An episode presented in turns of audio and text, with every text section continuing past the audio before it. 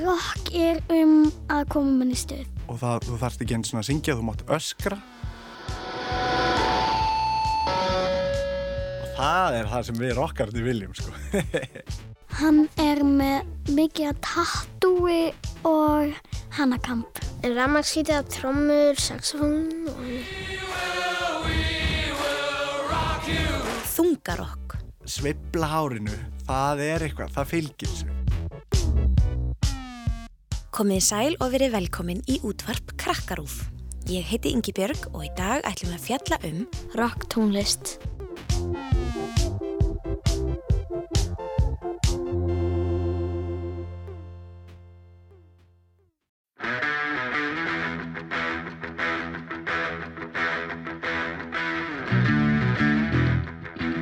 hvað er rocktónlist?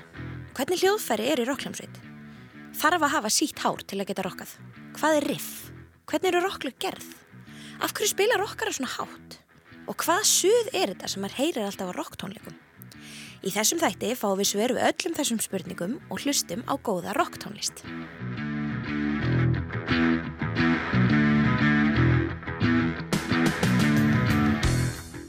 Sérfræðingur þáttarins er Rappkjallar Guðjónsson, stundum kallaði Keli og ég er rock-trommari. Hvað er rock? Hátt hljóð. Rock er stíl, það er margar hljóma og spila rosalega fallega bassalínur og fotta gítarlínur.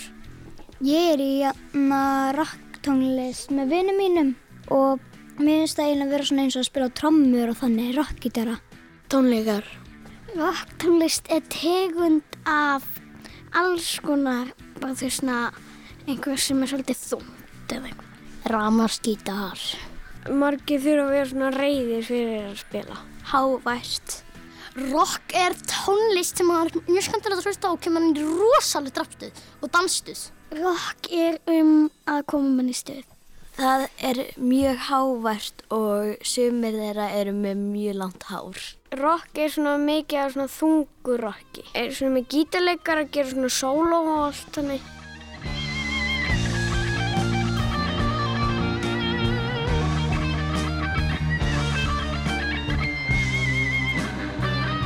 Hvað rocktónlist er fyrir mér er uh, ákveðin svona útrás og uh, frelsi en kannski svona einfaldara þá er þetta mjög oft hávær tónlist þar sem að má vera með læti og allt má það eru enga reglur og það er til dæmis mjög mikilvægt fyrir mér. Uh, maður má gera hvað sem maður vill og það, þú þarfst ekki eins og að syngja þú mátt öskra. Það er eina fám tónlistastefnum sem ég veit um allavega það sem það má þetta, jú, þetta er svona kannski uh, svolítil gítartónlist. Mætti kannski kalla þetta tónlistastefna gítarsins með öðrum. Rockgítarleikarar eru vanir því að stilla mjög hátt. Það er með mikið læti. Já, nákvæmlega. Og þetta er rafmaksljóðferð, ekki? Jú, það var kannski svolítið það sem byrjaði þetta sem að kallast rock. Það var rama skítarinn. Þá kannski verið með svo mikið læti og bara hækkað og hækkað og hækkað. Þá fór þetta allt upp á annar stig. Já, Já. Og hvenær er þetta gerast? þetta er sko, það er svolítið erfitt að segja en þetta kannski byrjaði allt á bara blúsnum. Blúsin sem var eitthvað rætt aðeins í jazzþættinum og sem byrjaði í bandaríkjum. Þetta, þetta þetta gerist eiginlega allt í bandaríkjum. Kemur þaðan. En það er svona kannski kringum svona 1950 eitthvað svoleiðis þar sem að svona virkilega fóra myndast þessi stefna. Rocktónlistastefna sem hétt fyrst í rauninni rock og roll og, og þar á undan kannski uh, rhythm and blues rhythmi og blues kannski sem að í dag er eiginlega kallað R&B fólk ekki kannski sem R&B en, en hljómar allt öðru í sig og fór síðan út í þetta sem kallast rock og roll og endanum kannski bara rock Well, since my baby left me, well, I found a new place to dwell. Well, it's down at the end of Lonely Street, that heartbreak hotel. Rokkið kom til Íslands í gegnum útvarpið og lagðist misvel í fólk. Sagan segir að gömlum manni í Hafnarferði hafi orðið svo um og ó af þessari nýju tónlist að hann hafi fengið hjartaslag bara við útvarpstækið. En unga fólki tók þessari nýju tónlist rosalega vel. Á þessum tíma var bandaríski herin staðsettur á Íslandi og þeir sem byggur nálagt herstöðinni í Keflavík gáttu náð útsendingu af útvarpstöðinni þeirra sem spilaði nýjasta rockið frá bandaríkjanum.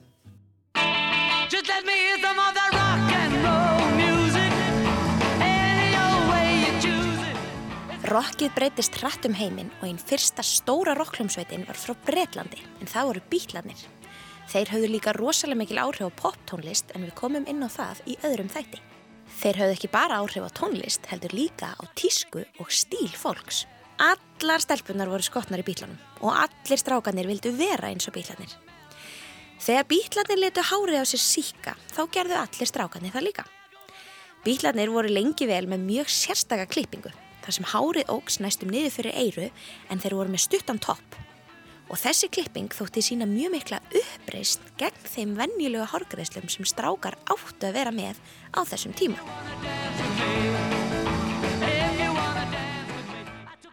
Rockin hefur alltaf fyllt þetta að, að gera það sem má ekki. Rockið einhvern veginn gefur þér leifi til að svona, kannski ekki brjóta reglunar en beigja þær smá og það er náttúrulega þegar, þegar fóröldraðinir e, skipaðir eða samfélagið bara skipar þér að fara í klippingu þá gerir það ekki. Að sjálfsögðu. En svo hefur þetta líka kannski með að gera að, að bara uh, þegar það er mikið læti og mikið svona hamagangur og mikið stuð að þá er sko að sveibla hárinu það er eitthvað, það fylgir sig og því síðar hár sem úr með þá er náttúrulega skemmtilega að sveibla hárinu. En svo þarf ekki að vera með sítt hár. Ég er til dæmis með krullur. og það er allt í læg, það er bara, það er líka gaman að sveifla krullum og Sumir okkar eru bara ekki með neitt hár sem er ekki með en neitt hár. sveifla hausnum alveg jafn mikið Já, ymmit, já. Hvað finnst þér skemmtilegast við að spila rock? það er þessi einhvers konar útrás. Það er, ef þú ert með uppsapnaða orku eða ef þú þarft að langar að hérna, öskra á einhvern sem að þú þólir ekki en það er ljótt að öskra á fólk. Að þá er þetta, það, þannig hugsa ég að þá er þetta tilvalið til þess. Já. og þetta er bara einhvers konar gleði og, og gaman. Ég var alltaf í tónlistaskóla þegar ég var krakki og ég, og það mér varst það rosa gaman en það opnaðist alveg nýr heimur þegar ég fór svolítið að grúska sjálfur í að, að prófa að spila einhvern veginn tónlistin sem ég bara valdi sjálfur og, og, og þá helst það oft í hendur við það að spila kannski það sem má ekki eða allavega svona það sem að já hvað sem er ég raunin bara það sem gerir fóreldrana pyrraða Nú ert þú trommuleikari, varstu með Já. trommusveiti heima hjá þér? Já. Og margir, margir myndi segja að það væri stór mistökju fóreldrum mínum en ég held einmitt að það hafi verið akkurat bara það, það rétta í, mínu, í minni stöðu sko því ég var svona, ég var kannski ofvirt barn en á samt ekki svona, ég var, ég var svona uh, með væga ofvirkni kannski.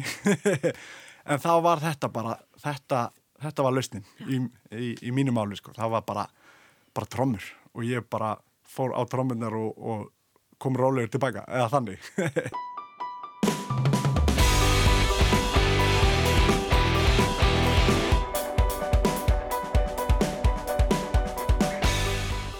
Svo hljómsveit sem ég er búin að vera svona lengst í og er svona svolítið hljómsveitin mín er, heitir Agent Fresco uh, og við vorum, við vorum átjanara þegar við byrjuðum uh, og þá var ég búin að vera í alls konar einhverjum hljómsveitum á undan og, og búin að prófa alls konar og svona og þarna einhvern veginn svolítið bara svona fundu við okkar sound svona okkar hljóðheim eða hvað maður vil kalla það.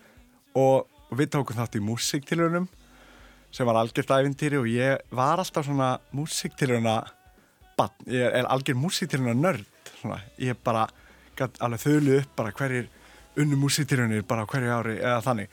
Og fór alltaf sem bann svona, þannig að það var rosa bara að taka þátt í músiktilunum var algjör draumur fyrir mig og allt svo leiðis og, og við erum búin að vera sagt í 11 ár og búin að ferðast alveg út um allan heim og, og, og spila rock. Og svo, sagt, svo kannski ef maður geti sagt svona hitt verkefni mitt sem er búið að vera það er svolítið óvinnilegt fyrir rock trommara sem kem algjörlega úr þeirri átt. Þá er ég eiginlega búin að vera að spila rap og hip-hop með MC Gauta og fleirum. Og það hefur verið svolítið áhugaverð svona tilrauna mennska að blanda í rauninni, já, rock, trommuleik inn í þá tónlistastöfni og, og blanda saman og, og reyna að pröfa að gera eitthvað nýtt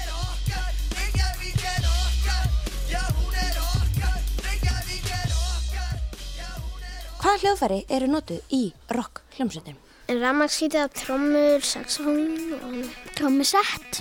Saxofón og bassi. Svona litlar trommur. Ramaskítar. Grunnurinn mætti kannski segja að séu gítar, bassi, trommur og söngur. Svo er mjög algengt að hafa hljómborð og líka er mjög algengt að séu tveir gítarleikar og skiptist á að spila sumitaka gítar solo og alls konar svoleiðis. Þannig að það er mjög algengt. Eru rock trommusett eitthvað öðruvísi heldur en til dæmis jazz trommusett eða pop? Já, það hefur svolítið fyllt rockinu bara starra er betra. Já. Alveg eins og hávært og meiri læti, það er betra. Já. Ég hef séð vídeo á trommuleikurum þar sem það er bara heilt svið, bara Já. með trommum og symbölum og alls konar dóti. Hefur þú okkur með prósulis? Já, já, já.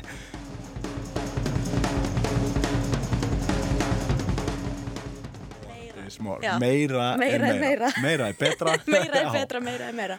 Og hækka upp í 11, ef það er hægt. það, það hljóð sem flesti tengja við rockið er einmitt þetta ramaksgítar hljóð sem ég held að margir þekkja og það kom svolítið í raunni af slistni við að í raunni bara hækka of mikið í magnarann og ef þú hækkar of mikið að þá byrjar svona magnarinn hann ræður ekki alveg við læti og það er það sem við rockarnir viljum sko.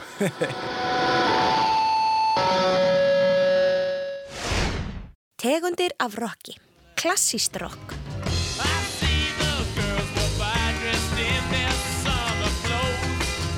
Glam rock.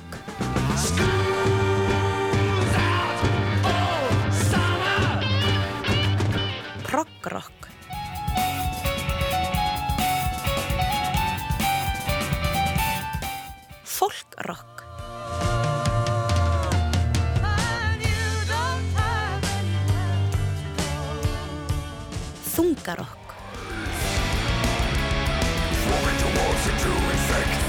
Punk rock.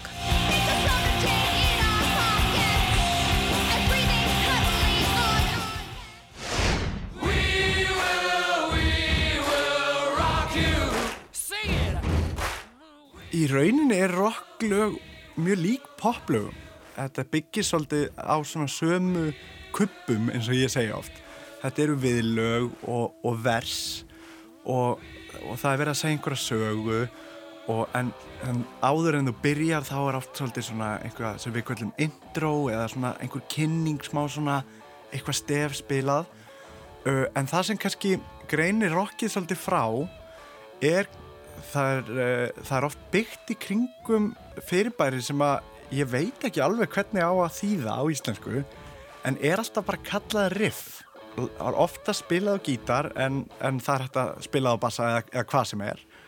Og það er í rauninni bara svona stutt stef sem er endutekið í gegnum allt lægið eða kemur fyrir oft á milli kabla eða undir eða eitthvað svoleiðis. Uh, í kringum þetta í rauninni frekar svona hefbundna popform.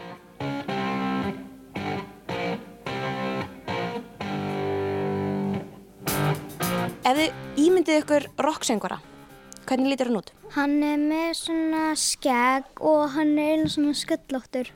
Hann er með mikið að tattúi og hannakamp.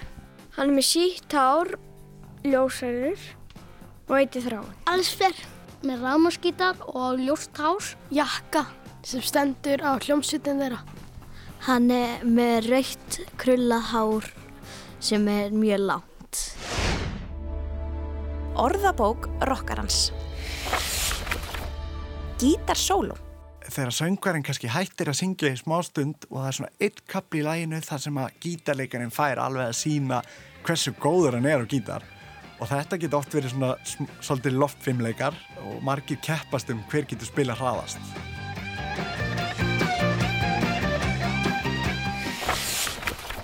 Gítarpetalar.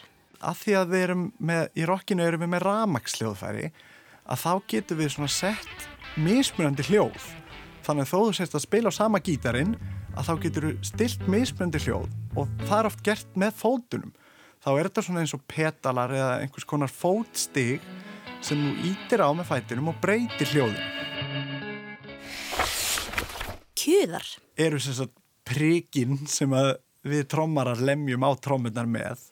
Fólk hefur kannski heyrt þetta í byrjunum á lögum þegar það er talið inn 1, 2, 3, 4 þá lemma kjöðunum saman og svo er það náttúrulega mjög algengt í rocki og ég þekki það mjög vel að brjóta trommukjöðana.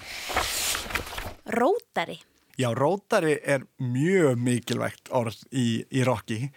Það fylgir því þegar þú ert að nota svona stórar og mikla græjur og, og mikið af þeim að þá þarf að bera þetta allt. Þegar þú ert að fara úr bílskúrnum eða æfingahúsnaðinu á tónleikastæðin eða á milli tónleikastæða, á milli landa og svona, þá þarf að halda á öllu dótinu fram og tilbaka og stilla því upp.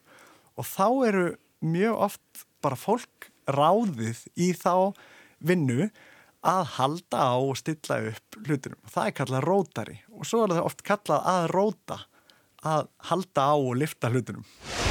Hverjar eru frægustu rockljómsveitinnar í sögunni?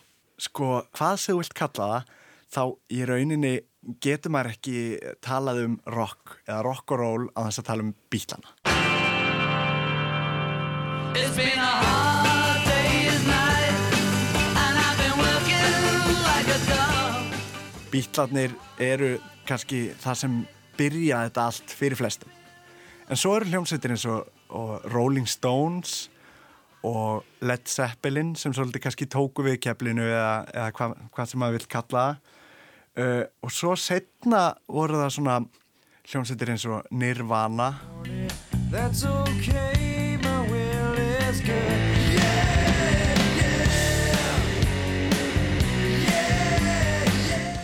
sem að uh, voru svona á nýjunda, eða tíunda áratugnum og hljómsveitin Rage Against the Machine sem voru voða mikið svona að uh, berjast gegn yfirvaldinu.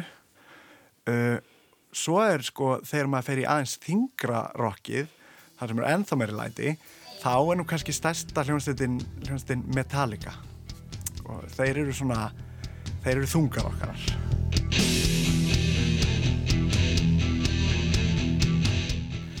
á Íslandi voru þetta kannski helst svona til að byrja með trúbrot fyrir mér.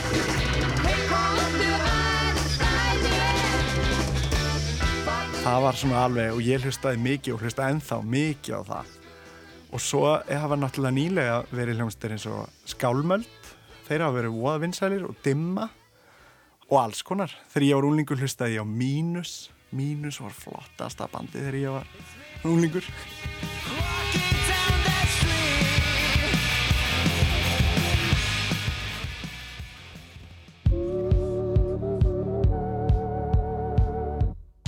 Rock tónlistarþáttur útvarpskrakkarúf verður ekki lengri í þetta sinn. Þátturinn er hluti af seríu um mismunandi tónlistarstíla, sinfoníutónlist, óperutónlist, jazz, rock, pop, raftónlist og rap. Kíkið inn á krakkarúf.is eða hlaðvarpið til þess að finna fleiri tónlistarþætti. Við skulum enda í dag með að fá nokkur góð heilræði frá sérfræðingi þáttarins, honum Rappkeli Erni Guðjónsinni eða Kela, rock-trommuleikara. góð ráð fyrir þá sem er að byrja að spila rocktónlist eða langar það þá myndi ég segja í fyrsta legi það getur verið erfitt að kaupa hljóðfæri og, og erfitt að velja og svolítið dýrt. En ég mæli með bara einfallega Facebook-grúpum þar sem er, fólk er að selja ódýr notuð hljóðfæri. Það er það sem ég hef alltaf mælt með bara þegar þú ert að byrja bara, það má vera ekki endilega besti gítarinn eða besti trómyndar bara, bara eitthvað ódýrt til að byrja með. Svo er það náttúrulega bara að byrja að hlusta og pæla og prófa að herma eftir og svo leiðis og svo verði ég eiginlega að nefna bara músiktilunir og, og svona og svipaði hlutir eins og músiktilunir til dæmis stelpur rocka fyrir stelpur sem er æðislegt framtak. Og músiktilunir voru fyrir mig bara það, það er frábært framtak og ég mæli með því fyrir alla